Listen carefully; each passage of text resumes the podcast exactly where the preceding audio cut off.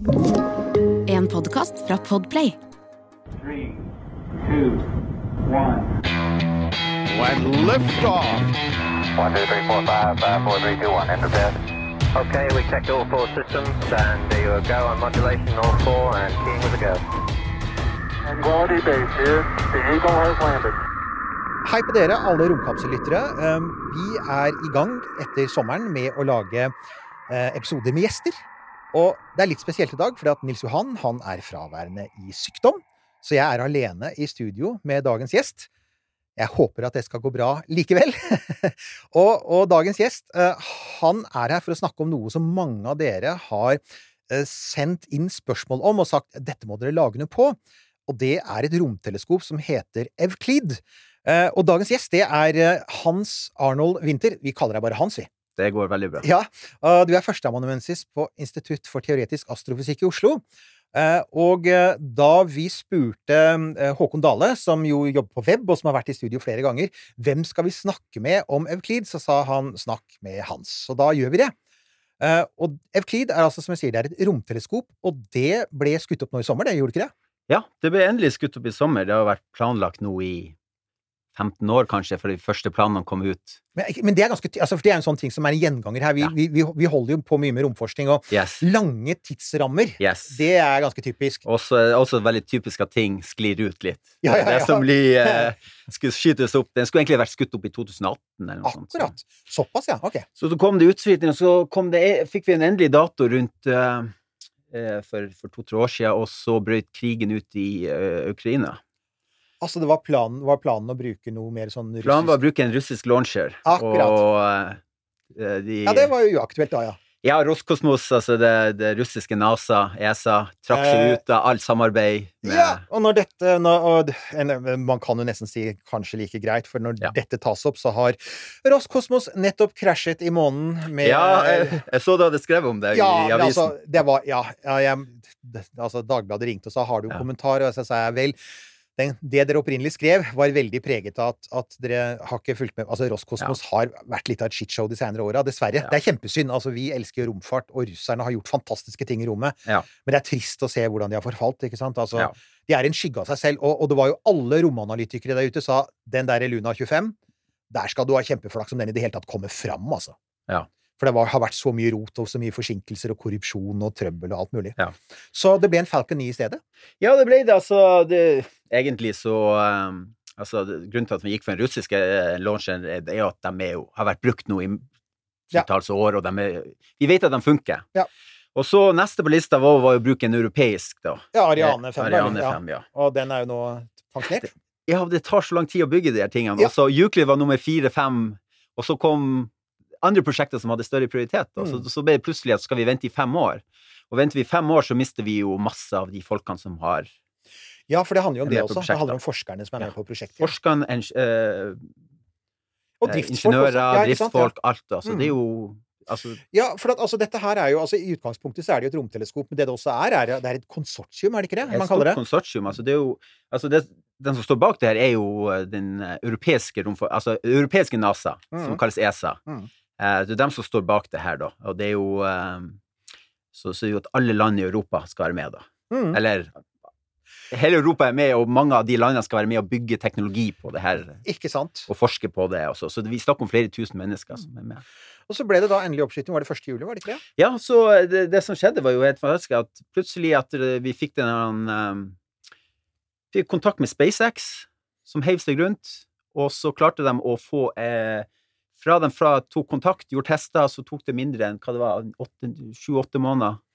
Altså, det, det Det, skal, det er kort tid. Rom, eh, Ja, altså det skal SpaceX ha, det, og det er vi nøye med å si her, at selv om lederen deres av og til eh, Ja. virker som han har mistet litt av besinnelsen, og noen av prosjektene er litt crazy Nei, vi lander ikke på Mars i 2026, vi gjør ikke det.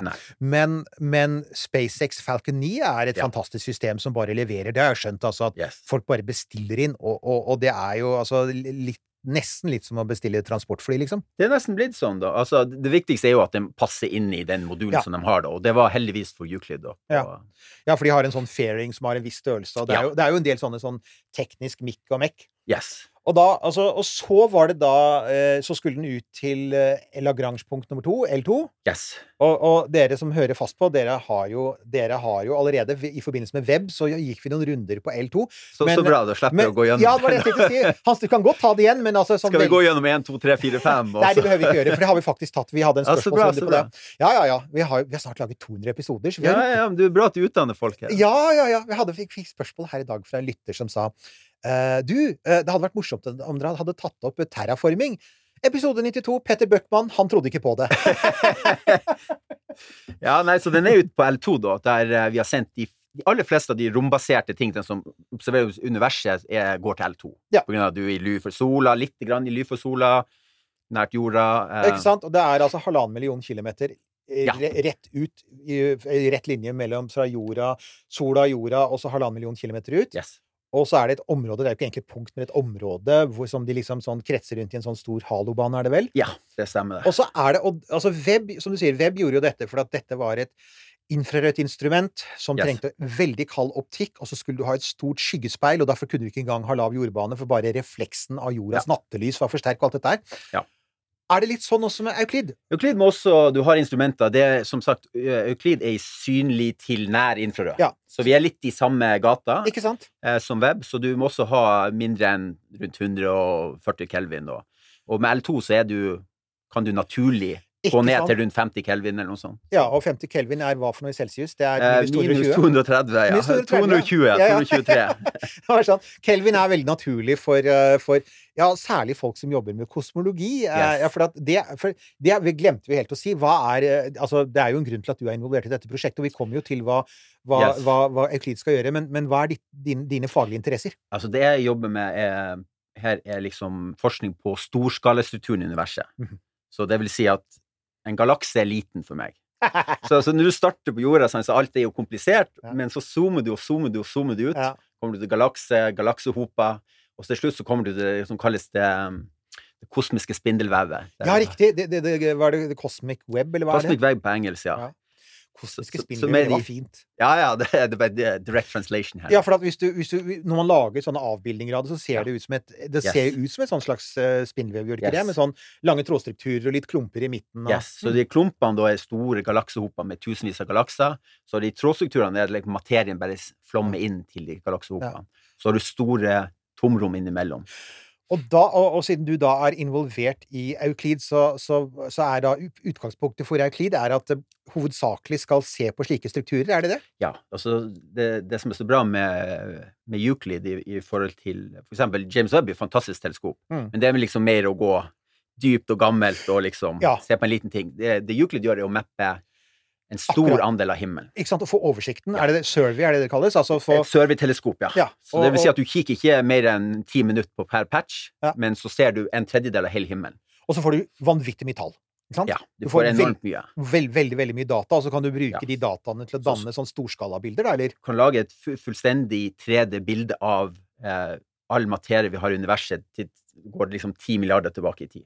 Hørte dere det, folkens? Dere skjønner, dette, jeg, dette, dette her Men akkurat dette er veldig mange opptatt av. Kosmologi Yes. er alltid en vinner. Ja, ja, ja, men det er jo Det er de jo- store tingene, da, som mørk er energi og så Ja, ja nemlig. mørk også, materie, nemlig. Ok, altså. men akkurat, kan vi si det. Du har altså storskalastruktur i universet, Yes. og så er det dette spørsmålet, dette her med at vi egentlig ikke vet Yes. hva som former 95 ikke sant? Altså, av universet. At vi har mørk materie og mørk energi. Og skal man også se på det? det, det er liksom det som er hovedtingen. Det er liksom de mørke delene av universet vårt. Mm. Så, så hvis du, når du har mappa ut disse tingene, så kan du bruke det til å lære litt mer om hva Mm. de faktisk består av. Da. Ja. Så, så det er jo ikke bare Så det er mørk energi.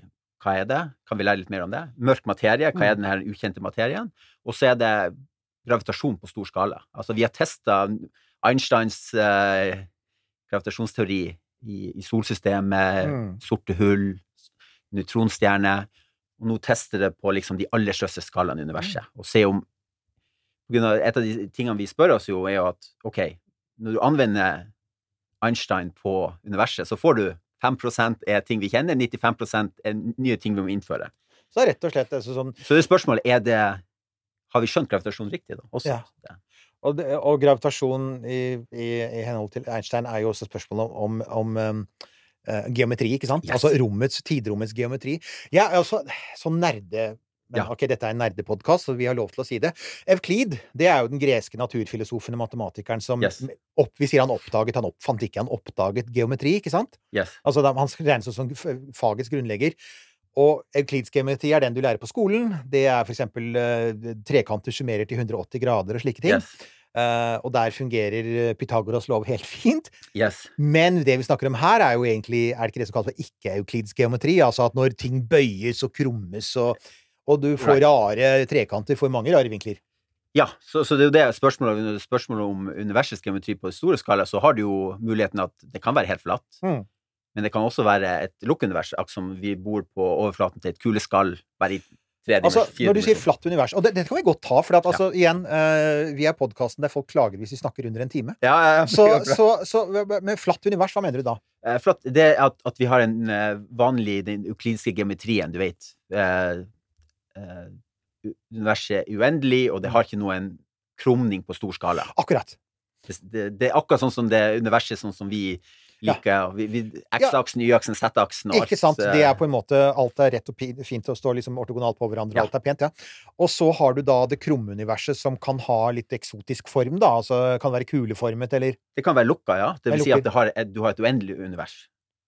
Eh, eh, Hvis det er lukka. Det vil si at eh, analogien Vi kan ikke tegne noe i, i 3D, så, så analogien vi bruker, er liksom at det er som å bo på, på toppen av et eh. Liksom. Ja. Så hvis du går langt nok i én retning, så kommer du tilbake. Og det interessante der er at dette Altså det, altså, det er et spørsmål som ennå ikke er helt avgjort, er det det du egentlig sier? Nei, lever- altså, det vi tror nå, er jo at universet er mest mulig flatt, da. Men vi er jo ikke, vi har ikke Det er fortsatt slingringsmål. Vi har jo ikke Og så er det én ting til som jeg veit også mange er opptatt av, dette her med denne oppdagelsen av universets ekspansjonshastighet. Og vi Ja. kommer straks til det, vi skal snakke litt om rødforskyvning og sånne ting. Ja. Og at jo lenger unna ting er, desto raskere ser de ut til å bevege seg bort fra oss. Men så var det dette med at man for noen år siden begynte å observere en akselerasjon i ekspansjonshastigheten. Ja. Er, altså er Evklid eh, en del av dette også? Altså det, skal den forsøke å se på disse tingene også, siden den skal drive og måle på så mange galakser? Ja, som, altså, som sagt, eh, det, det Euclid gjør, er å mappe ut alt av Mm. strukturer som er i universet. Eller eh, i hvert fall på stor skala. På stor skala. Uh, og når du studerer strukturformasjon, altså hvordan ting formeres, så bryr du deg om to ting. Mm. Ja. Du bryr deg en hvordan virker gravitasjon? Mm. Altså hvor mye materie er det som kan klumpe seg? Og så bryr du deg om andre ting, er hvor raskt utvider universet seg. Så det er Ja. de to tingene som kjemper mot hverandre. Ja. Så ved å måle liksom hvordan universets strukturer har dannet over tid, så kan du finne ut hvor raskt universet utvider seg Ja. også. Akkurat. Og da kan du få mer oversikt over nettopp dette her med om det er noen variasjoner i utvidelseshastigheten, eller om det er noe, noe annet mystisk på gang. Så, så mapper den ut over tid, så kan vi finne ut er det her den gode gamle kosmologiske konstanten som Einstein kom opp med for å forklare den mørke energien, Akkurat. eller er det noe annet? Akkurat. Og igjen, da, det er, det er utrolig fascinerende at Ja. dette her er en ting man fortsatt jobber med. altså At, at dette her ennå ikke er helt, eh, helt spikra. Du sier altså du skal jo lage en stor survey, altså du skal lage en stor oversikt. Hva, da antar jeg at dere har et sånn antall, altså antall objekter. Hvor mange liksom, objekter ser dere for dere at dere skal klare å kartlegge da, i løpet av Ja, forresten, hva er eh, levetida? Levetida er seks år okay. fra oppskytning. Ja. Og så med mulighet for, hvis, hvis det er med drivstoff igjen, kanskje fem år Ja. til. Kan håpe at det går som med Ingenuity på Mars, som plutselig bare skulle fly tre ganger og nå har fløyet 55. Ja, ja, det, Kan jo hende! ja, ja, Ja. men det, det har skjedd med mange. Det skjedde Ja. med Planke-satellitten Ikke på. Den gikk litt lenger. Ja, går ofte over spekkene. Ja. Eh, Men hvor mange, for eksempel, sånn type, hvor mange galakser tror dere at dere kan få Ja, målt? så det, eh, Euclid har to forskjellige ting de ser på. Ja. ene er liksom å se på ta bilder av galakser, altså selve formen til galakser. Er det det visuelle instrumentet? Det som Det er det visuelle for instrumentet. Ja. Ja. Og så har du et som heter NISP, så jeg. Ja. Så der, der du kan faktisk ta spekter av galakser. Akkurat. Og det, hvis du ser på det spekteret, da kan du få Altså, er dere da interessert i å se på sammensetning, eller er det farten, altså Ja, rødforskyvningen? det, det er stort sett det man, I hvert fall det jeg jobber med. Ja. Det er mye det her dataen kan bruke til. Men nei, men det, ja, men det er jo det fine. Altså Ja. data, som du sier, data er data. Ja. Og hvis du kan hente noe annet ut av det, så er det kjempebra. det, det, det har så mye Vi kan komme tilbake på andre ting det kan brukes til litt senere. Men Mm. uh, for meg, det aller viktigste liksom, er å, å finne ut hvor langt unna er denne uh, galaksen, Ja. hvis du ser en galakse. Så må du ha et mål for rødforskyvning av det vi Ja. kaller det. Og rødforskyvningen er altså det som skjer med spektral... Altså disse mørke linjene i, i spekteret, at de Ja. forskyves eh, mot den røde delen, eller da altså mot den infrarøde. Ja. Ikke sant? Uh, Ja, så, så Euclid har to måter å gjøre det på. Så vi kan gjøre det, det som kalles eh, spektroskopi. Det vil si at du tar veldig fint Mhm. Mange frekvenser. Mhm. Og da har du hele spekteret av og du kan gjøre veldig nøyaktige rødskiftsmålinger. Ja. Og det andre er at du legger på tre filter. Grove bånd av bølgelengder som alle faller inn i samme slott. Og så fra det så kan du estimere cirka hva rødforskyvning er. Og da kan du kanskje se på mye mer på en gang? Er det det som er poenget? Du kan se mye, mye mer. Da. Ah. Så, da- så, så hvis ja. du ser på det, det, det spektroskopisk, kan vi kanskje ta 50 millioner galakser Ja. Over de her siste seks årene. Men hvis du tar på de med bilder, kan vi komme opp til rundt 3 milliarder galakser. Jeg så at dere eh, Altså, jeg hørte du hadde et kollokvium for noen dager siden som jeg snek meg inn på. Det kan dere for øvrig anbefale, for det kan man jo. Vi er, det, er det Teams, er det ikke? Eller Zoom? Jeg husker Zoom, ikke. ja, ja, Det er Zoom, og da, det er fredag. Alle fredagskollokvier på Ja. Institutt for Det, teoretisk det, er- det er et kjempefint tiltak. Jeg holdt, eh, jeg holdt fredagskollokvium om kosmiske kollisjoner i 1986, så så Ah, gammel er ja, jeg. jeg Ja, ja, ja. ja. Ligger det på online, da? Er det- Nei, er det- 1986, hallo! 1202. Hei, det er Nils Johan her, bare innpå. Jeg har blitt eh, frisk eh, igjen nå etter at dette ble tatt opp. Eh, Men bare innpå for å minne om at eh, 27. september så skal vi ha live livepodkast på ja, det som var Eldorado kino i Oslo. Eh, Hvis du går inn på tasopp.no, tasopp.no, så kan du finne romkapsellogoen der, eh, og kjøpe billett til dette arrangementet. Det hadde vi syntes vært helt strålende hvis du gjorde. Og for eh, å krydre denne stuingen enda litt mer, så har vi med oss Nima, vår gode venn Nima Shahinian, Mr. Space Norway himself, eh, som alltid eh, kommer med noen snacks eh, av det han holder på med. Han skal fortelle om det mer, og masse om alt Nima gjør, og, og romkapsel, og det blir stjerner og eh, romraketter. Eh, veldig fint. 27. september, gå inn på tasopp.no og kjøp eh, billett der. Sånn, nå kan du fortsette, Eirik. Men du holdt jo da et interessant kollokvium hvor du gikk gjennom akkurat dette, og da så jeg blant Ja. annet at du snakket om noe som het GRISM. Ja. Ja, er- det, et, er det en instrumentteknikk dere bruker da, altså? Det er det som brukes på det her eh, NISP, the Near Infrared Ja. eh, eh, Spectrometer and Photometer. Um, så at du har et eh, Så en, en grisme er jo bare at du har et, et sånn optisk uh, gitter, Mhm. sprer lys, og så har du et prisme for å samle det igjen. Akkurat. Så du tar all lys, kommer inn på samme plass, så sprer du det, og så kommer det inn i samme retning, men så har du spredd fargene. Ja. Så du sa, hvor, hvor mye var det, det Hvor mange galakser var det? Flere milliarder på den storskala? På- dem der du har liksom sånn veldig røft, tre filter, tre farger kan vi Mm. Kalle det, la oss kalle det farger, tre Ja. forskjellige farger for galaksen, Mm. eh, da har vi eh, da har vi, fem, da har vi tre milliarder. Og de er veldig nøyaktig rødskift, Ja. så har du bare 50 millioner. Men, men det er greit å tenke, sette det litt perspektiv, da, av hvor raskt feltet har vokst, og kosmologi er jo, har jo vokst Ja. enormt. Ja, altså, fordi jeg tenker også er sånn ja, altså, Hvordan er det med, med, med Euclid der? Eh, Er det altså er det, Tar man en type observasjoner som man har gjort før, men skalerer det opp voldsomt? Altså man gjør det i mye Ja. større skala? Ja. Og dessuten så har man det ute i rommet, og jeg antar at altså, det gir en del fordeler? Så, så hvis du går tilbake til liksom rundt 2000-tallet, når man virkelig begynte med sånn galakseutmappinger, da, Mm. de største fra den tida hadde rundt sånn 200 000-300 000 objekter. Mm. Og så går vi videre nå til et stort prosjekt som var The Sloan Digital Sky Survey, Mhm. Rundt 2010-2015. Eh, da gikk vi opp til liksom rundt fem millioner galakser. Ja. Forskjellige typer. Eh, og så nå går vi Euclid, så er en ny 50 millioner. Altså, det er, det er disse tallene. Altså, får jeg bare minne om, folkens, at, at en galakse er altså et komplett stjernesystem med Ja. milliarder på milliarder av stjerner. Så nå er vi langt inne. Dette er grunnen til at noen av oss syns at astronomi er gøy, da. Yes. Det er, eh, men dette er også grunnen til at, igjen, som jeg alltid sier, ikke tenk for mye på, disse, mye på dette før dere skal legge dere om kvelden, fordi Nei. det er ikke særlig Men du, altså, nå er jo Altså, eh, det siste jeg hørte, det var at Euclid var kommet fram. Ja. eh, og at de er i gang med er det som heter kommisjoneringsfasen, eller sånn? Ja. Så, så den kommisjoneringsfasen er jo bare sjekke at alt fungerer bra, og at Ta eh, prøvebilder og Ja, ta prøvebilder, og den er fullført. Og det, for jeg har sett noen bilder som så fine ut, for meg i hvert fall. Ja, så, Ja. så de ser fine ut. Så, så det var bilder som var tatt over altså, ett minutt, ett og et halvt minutt, Ja. mens de skal egentlig gå i ti minutter på hver patch. Da. Så, sånn, så det er veldig uh, lavoppløselige bilder så langt. Mm. Uh, men det ser ut, ting ser ut til å fungere ganske bra. Og så neste nå er liksom det som kalles performance verification phase. Det vil si at nå går vi inn og ser ok, vi, det her er det vi hadde planlagt å gjøre med Euclid. Altså fungerer uh, instrumentene våre som vi trodde oppe i rommet. Mm. Eh, har vi noen problemer? Kan vi løse det? Mm. Uh, kommer det is på teleskopet? Hva vi gjør hvis det skjer? Ja. Eh, Kommer det sollys inn i teleskopet? Hva vi gjør hvis det skjer? Ja, jeg så noe om at det hadde lekket inn litt sollys på noen bilder. Var det, var det en greie, eller? Ja, vi får se. at Det er det som de skal gjøre nå, i Ja. den her um, performance verification. Da. For at igjen, det er jo da det er sånne forskjellige Altså, det er en solskjerm som skal sørge Ja. for at det, Og det, er, det er vel litt som en web med denne Fordi du er på motsatt side av jorda og sola, så er det, det er fryktelig mørkt på den mørke sida, ikke sant? Ja. Der er Men det, det er fortsatt lyst. det er nemlig det, ikke sant? Så, Og- så det har fortsatt en sånn solskjerm på baksida som, eh, Ja. som skal beskytte mot, da.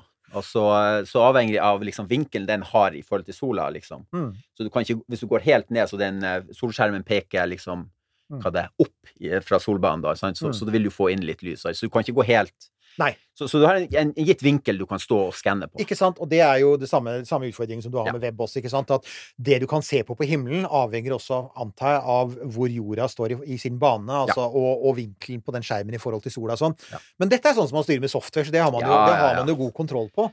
Eh, men så er jo da Det interessante her er jo da dere, altså, altså din og, og eh, eh, norsk altså Astrofysisk institutt sin, sin rolle oppi dette her. Altså, når, når forventer dere å begynne å se data som dere kan ta i bruk i deres forskning? Altså, hvor lang tid tar det før de er ferdig med denne innfasingen? Ja, når det gjelder data for sånn, vi som forskere Ja. kan, kan begynne å bruke, så, så regner vi med at nå, når vi kommer nå om et halvt års tid, at Ja. da, da begynner vi å ha samle inn Og det, det er som web, det. ikke sant? For Ja. det var også sånn at de begynte i januar, og så i Yes. juni-juli så begynte det å dukke opp ting som var ja. Men Euclid har, er jo som sagt, siden det her er ESA, siden det, og siden det er et sånt stort prosjekt, alle har bidratt, så har de ganske strenge regler på at ok, at dataen skal ut til, til folket. Alle har tilgang til dataen Ja. etter en viss tid. Da. Ja. Så, så i hvert fall nå er planen at etter 14 måneder etter oppskyting, som ett år fra nå av, så Mm. skal den første lille dataen komme, som ikke kan brukes til noe data, til sånn, sånn science som vi skal bruke den til. Og så etter et nytt et år, så skal den dataen som, som er samla inn etter første året, skal Akkurat. Men, men det er jo sånn at dere som forskere får tak i det før, ikke Ja. sant? vi at- som er med i prosjektet. Nemlig, og her kommer vi jo til en interessant eh, side ved dette prosjektet, og det er det Som du sier, det var jo et konsortium, og det var Ja. vel Er det 13 land?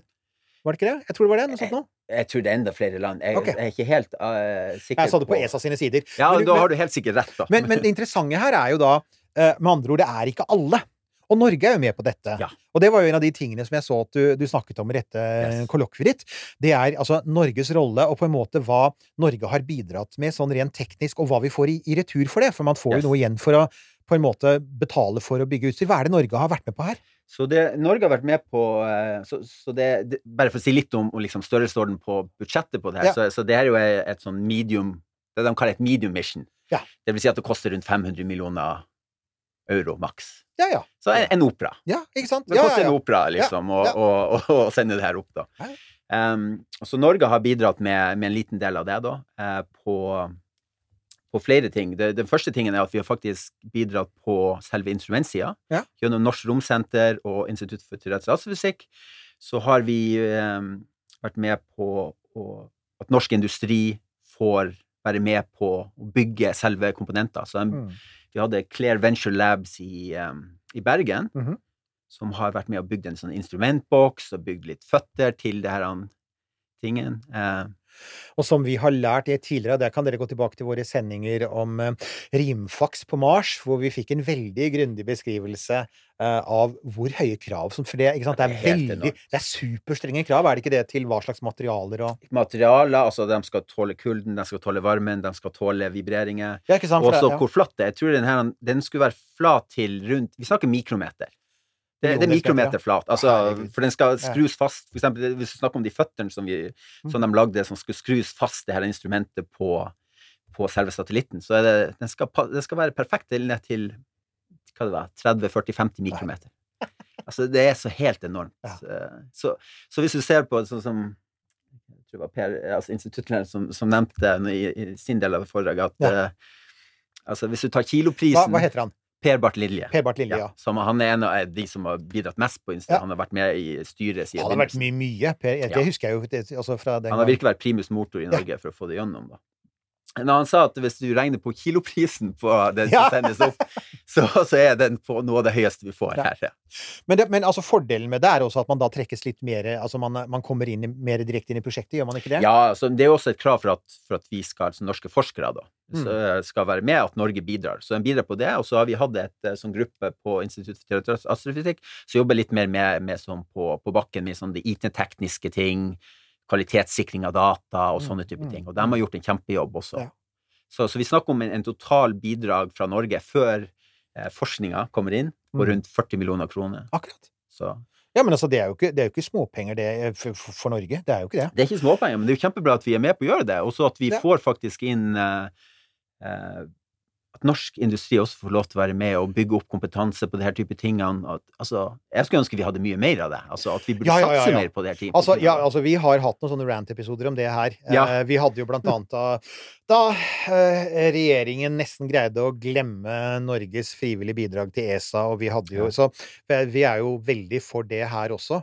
Men det, er en annen som er inter interessant ting med dette, er jo altså Det er jo jeg kan dette også rente i, i timevis om eh, Forskningsrådets eh, kutt av romforskningsprogrammet. Ikke sant? så vi Ja, kan, ja, vi kan ta ja. den seinere, da. Altså, vi har jo da Morsomt nok så har vi jo Da vi hadde hatt Vi hadde denne ranten, da, og vi da blant annet så hadde vi jo eh, eh, folk fra Norsk Romsenter og, ja. og fra industrien som var ganske tydelige og klare på at dette var håpløst. Så hadde vi også folk fra det politiske miljøet, blant Ja. annet Arbeiderpartiets stortingsgruppe, som sa vi hører på dere, Romkapsel. Jeg, jeg, dette har jeg snakket om for ikke så lenge siden, men jeg gjentar det. Uh, vår mikrofon er åpen, folkens. Bare kom og forklar dere. Vi vil veldig gjerne høre. Og nå er det faktisk valgkamp, selv om det er kommunevalgkamp. Så er eh, kommunepolitikk er også rompolitikk. Bare spør Ja. Andøya kommune, for eksempel. Det er altså Det er veldig spennende det som skjer framover nå. At vi kan bli en romfartsnasjon, da. nesten. Ja, ja, ja. Vi skal snart ha en sak om det, og vi har en avtale med dem, og det er kjempespennende. Ja. Så, så kom gjerne tilbake og forklar dere hvorfor um, eh, hvorfor vi stadig vekk er i disse situasjonene her. Og, Ja. og, for, altså, for norsk forskning da, så betyr det vel også en ganske betydelig altså, satsing på kosmologi, tenker jeg. ikke Ja. sant? Fordi, altså, jeg, igjen, jeg husker jo I sin tid så husker jeg at altså, norsk astrofysikk har vært mye solforskning og Ja. mye stjerneatmosfærer, og der var vi helt i verdenstoppen. Vi og er vi har- fortsatt i verdenstoppen der. ikke sant? Ja. Og, og ja, vi har jo en av våre faste gjester er Pål Brekke, og Pål og jeg hører til samme generasjon. Og Pål var en av de som var med sammen med folk som Olav Kjelsethmo og sånn, og, Yes. og, og var, hadde instrumenter på romferja. Masse kult. Men kosmologi husker jeg det Da jeg var der, så lå det litt lenger ute. Men det er helt tydelig blitt svært nå. Det har blitt veldig stort over det siste. Bygd seg opp. Altså, vi bare for å si vi, vi har fortsatt den beste solfysikkgruppa i, i verden, vil jeg si. Ja, det, ja, det tror jeg stemmer, ja. Det er de jeg har hørt om. Um, som, som, uh, som bruker jeg, jeg tror vi så på, på oversikten over hvor mye regnekraft som brukes i Norge. Jeg tror de står for 50% av all regnekraft som brukes i vitenskap. De er helt enorme på det. Ja, jo. Simulere altså, sola og sånt. det er, det er komplekse ligninger, folkens. Ja, det- det- det er fryktelig jeg, har- jeg har smerteminner om det. Men så har vi også bygd over eh, Etter det som kom det, så har vi jo hatt ei, ei fantastisk gruppe innenfor analyse av bakgrunnsstrålinga. Altså lyset som kommer fra Big Bang. Ja. Der har vi også en av de beste gruppene i verden på analyse av den dataen, da. Som har vært med på alle de store eksperimentene eh, fra eh, Var ikke med på WMAP, men analyserte WMAP-data, og så gikk over til Planck. Spilte en sentral, spilte en sentral rolle i Planck. Mhm. Og eh, nå er jeg med på masse bakkebaserte For det er også sånn spørsmål vi ganske ofte får, er liksom sånn Hvis jeg har lyst til å satse på romfart eller astronomi, Ja. hva skal jeg gjøre? Og det er jo veldig greit når du sier dette her, så vet Ja. du litt om hva for eksempel For dette er jo igjen super eh, folk, Dette er jo områder som, som folk syns er superfascinerende. Og så Framtida nå er jo selvfølgelig eh, Altså, jeg håper at vi kan gjøre like bra når det kommer til storskalastrukturen i universet, Ja. det som nå. Og så er fremtida blir kanskje gravitasjonsbølger og andre sånne Ja, spennende ja, ja, ting. da. Det, det, det stopper aldri. Nei, det gjør jo ikke det. Jeg så jo også dette her eh, Du snakket også om Var det weak lensing, var det det?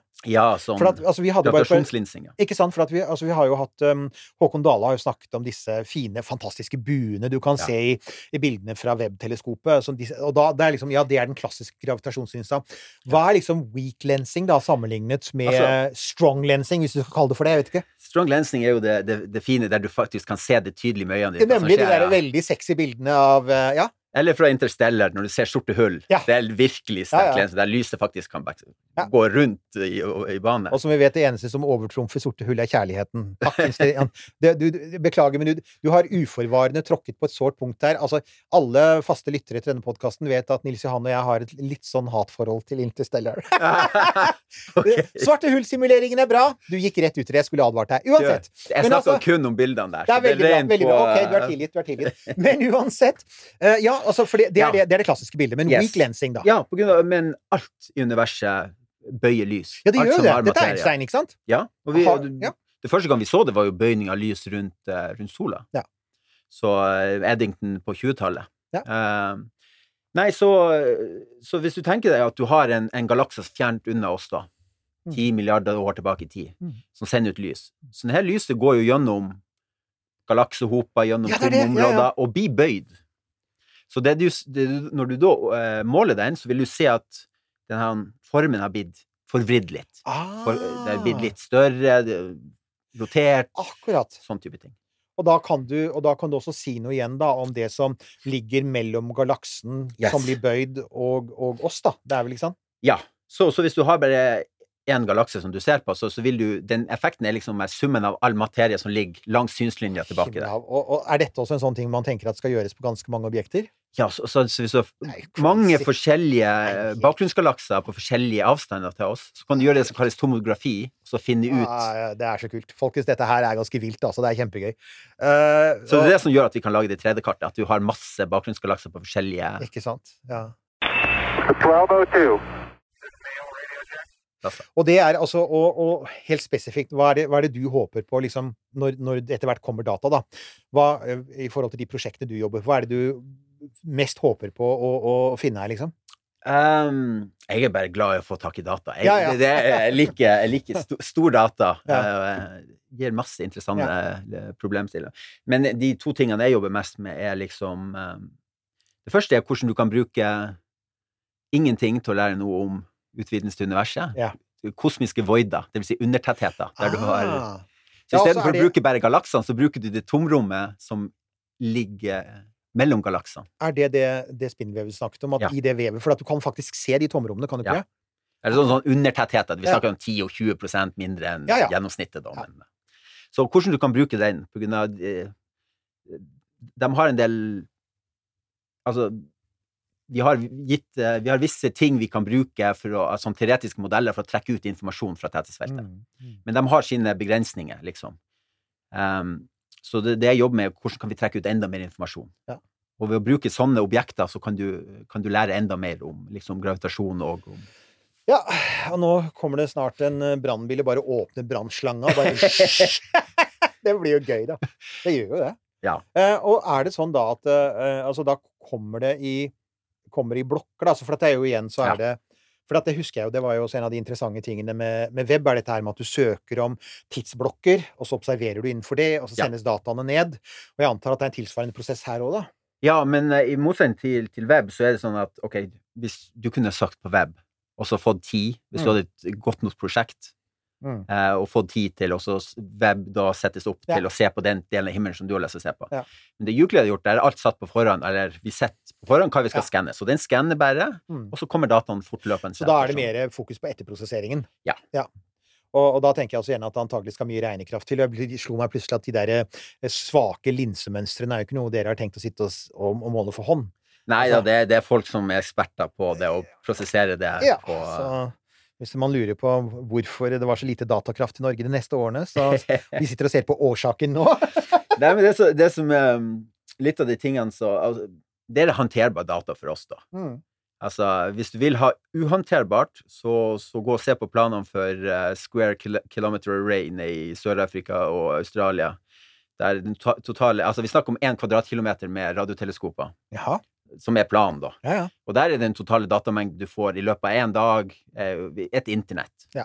Et internett. Å, herregud. Så, så, så, du kan ikke ta vare på alle den dataen. Du kan ikke ta vare på alle de dataene. Sant? så du må ha smarte du, nemlig, måter. Du, du må ha smarte måter å gjøre det på. Så det vi har nå, er, er, er håndterbart Mm. for, for oss, da. Um, Mm. Det som er litt mer verre, er at når vi eh, Jo bedre data du får, jo mer må du jobbe. Mm. På grunn av at vi må være så mye mer Stille større krav til nøyaktigheter av altså, hvordan vi modellerer det her. Mm. Så, så vi må kjøre veldig dyre numeriske stimuleringer, som er en av de tingene jeg jobber med. Hvordan kan du simulere hele universet på en datamaskin fra tidlig univers til i Mm. dag, og produsere noe, de mønstrene vi ser Ja. der ute? Ikke sant? Og det er, ja. Så, så det er der mesteparten av regnekrafta går. Ja, det er jo, det er jo et, for så vidt et viktig poeng å kommunisere, at det er veldig lenge siden astronomer satt ved et okular og så på stjerner med det blotte øyet. Og det er også veldig lenge siden ikke du skulle være relativt god i matte og simuleringer for ikke å kunne For det, er, det dukker jo nå opp overalt, ikke sant? Altså, Ja. dette her er, dette er liksom blitt mye av hjertet i moderne astrofysikk, er jo det.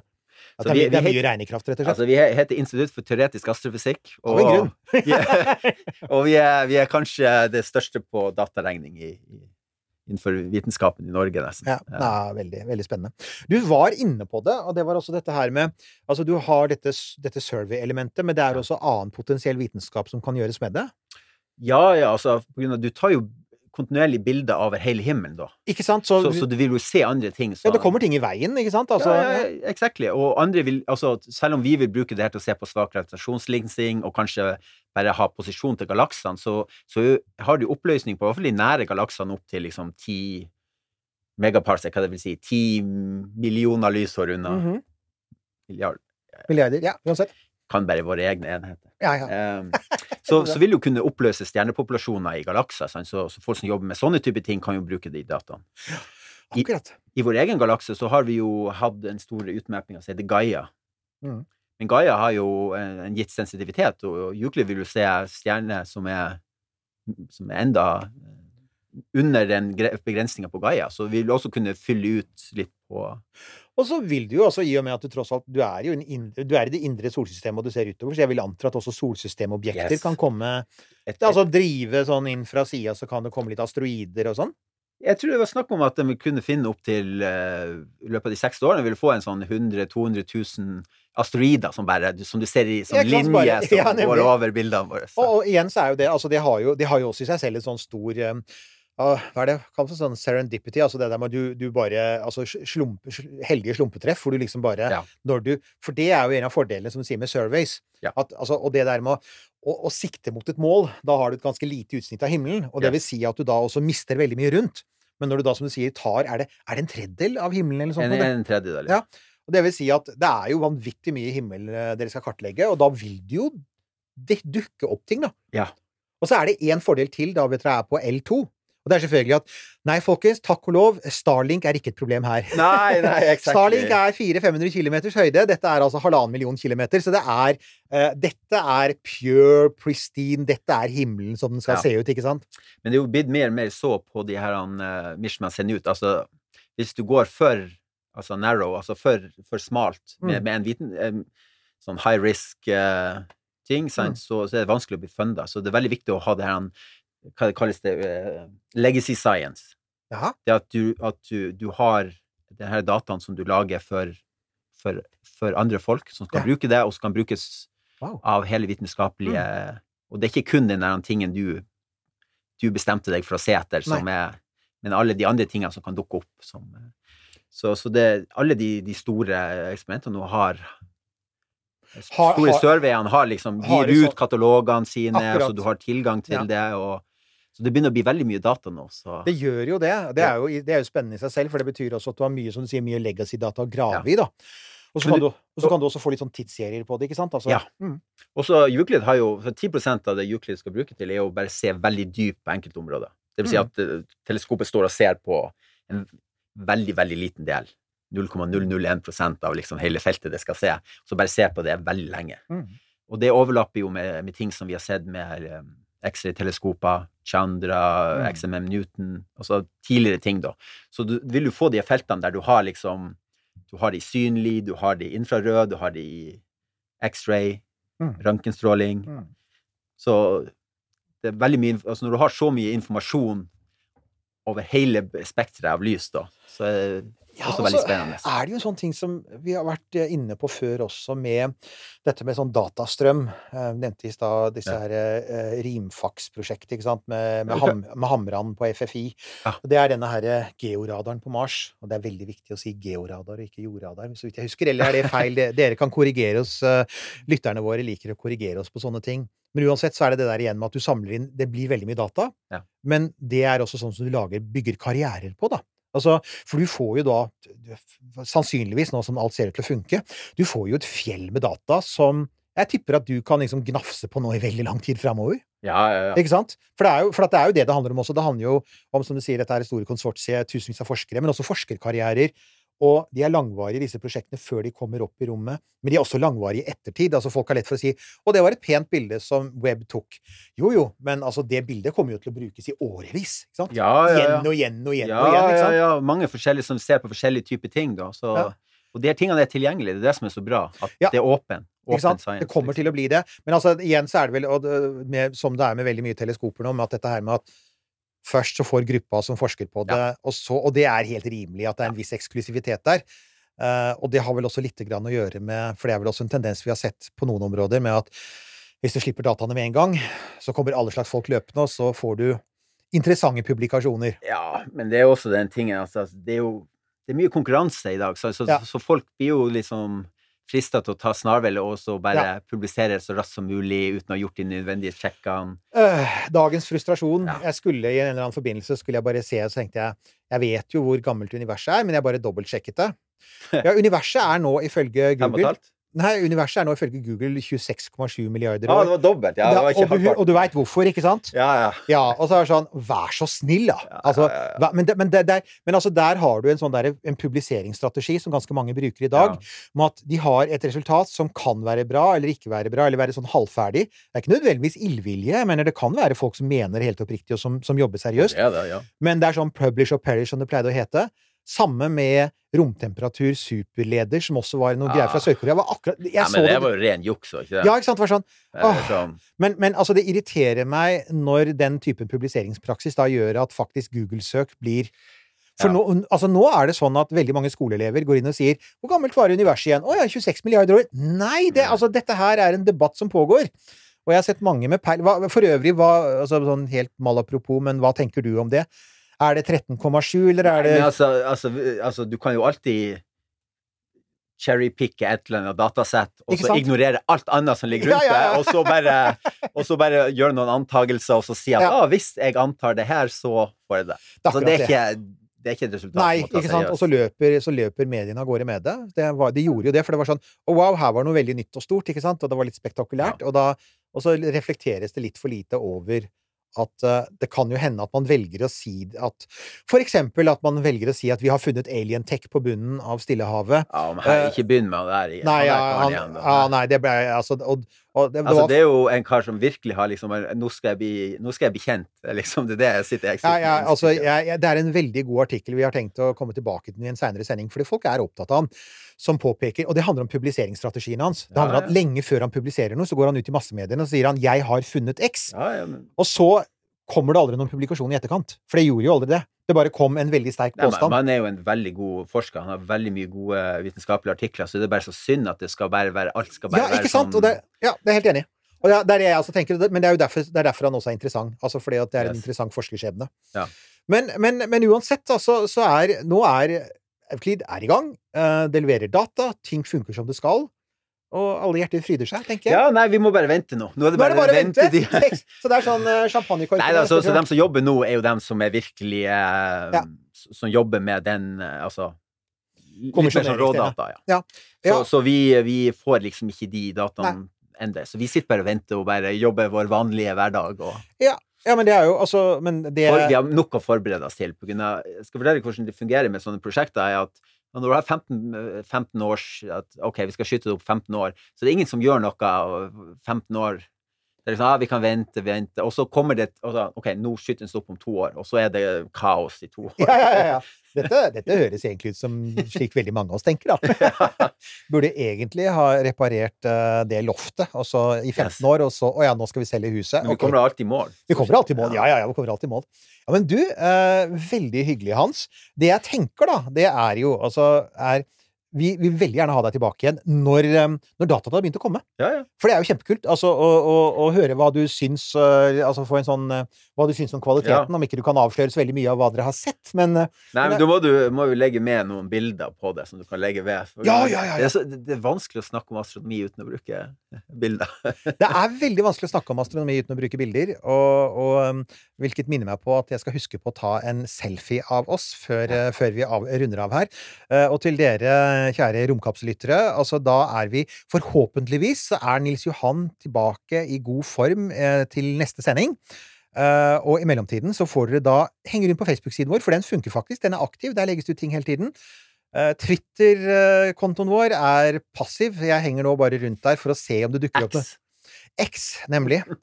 Åh, det er så morsomt, for at, uh, altså, det, altså, gode gamle Space-Twitter ble til SpaceX, og det er sikkert ikke tilfeldig i det hele tatt.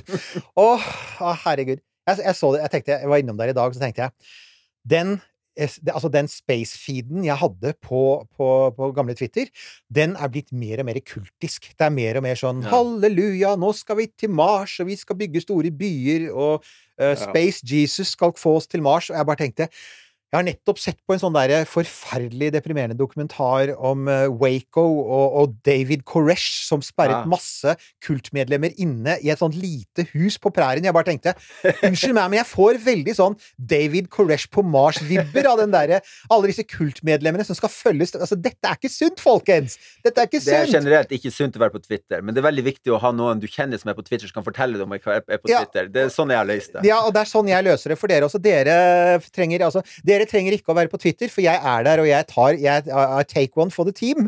Og pløyer meg gjennom alle disse her, faller på kne og sier I'm not worthy for Musk. Og innimellom så er det noen godbiter der. Uh, og hvis dere syns at det er verdt, uh, verdt prisen, så kan dere eventuelt stikke innom uh, Vips, uh, Newth og Halvorsen, romkapsel, for der, der går det an å faktisk sende inn til et reisebudsjett vi etter hvert faktisk kan få litt bruk for. Det kan vi komme mer tilbake til.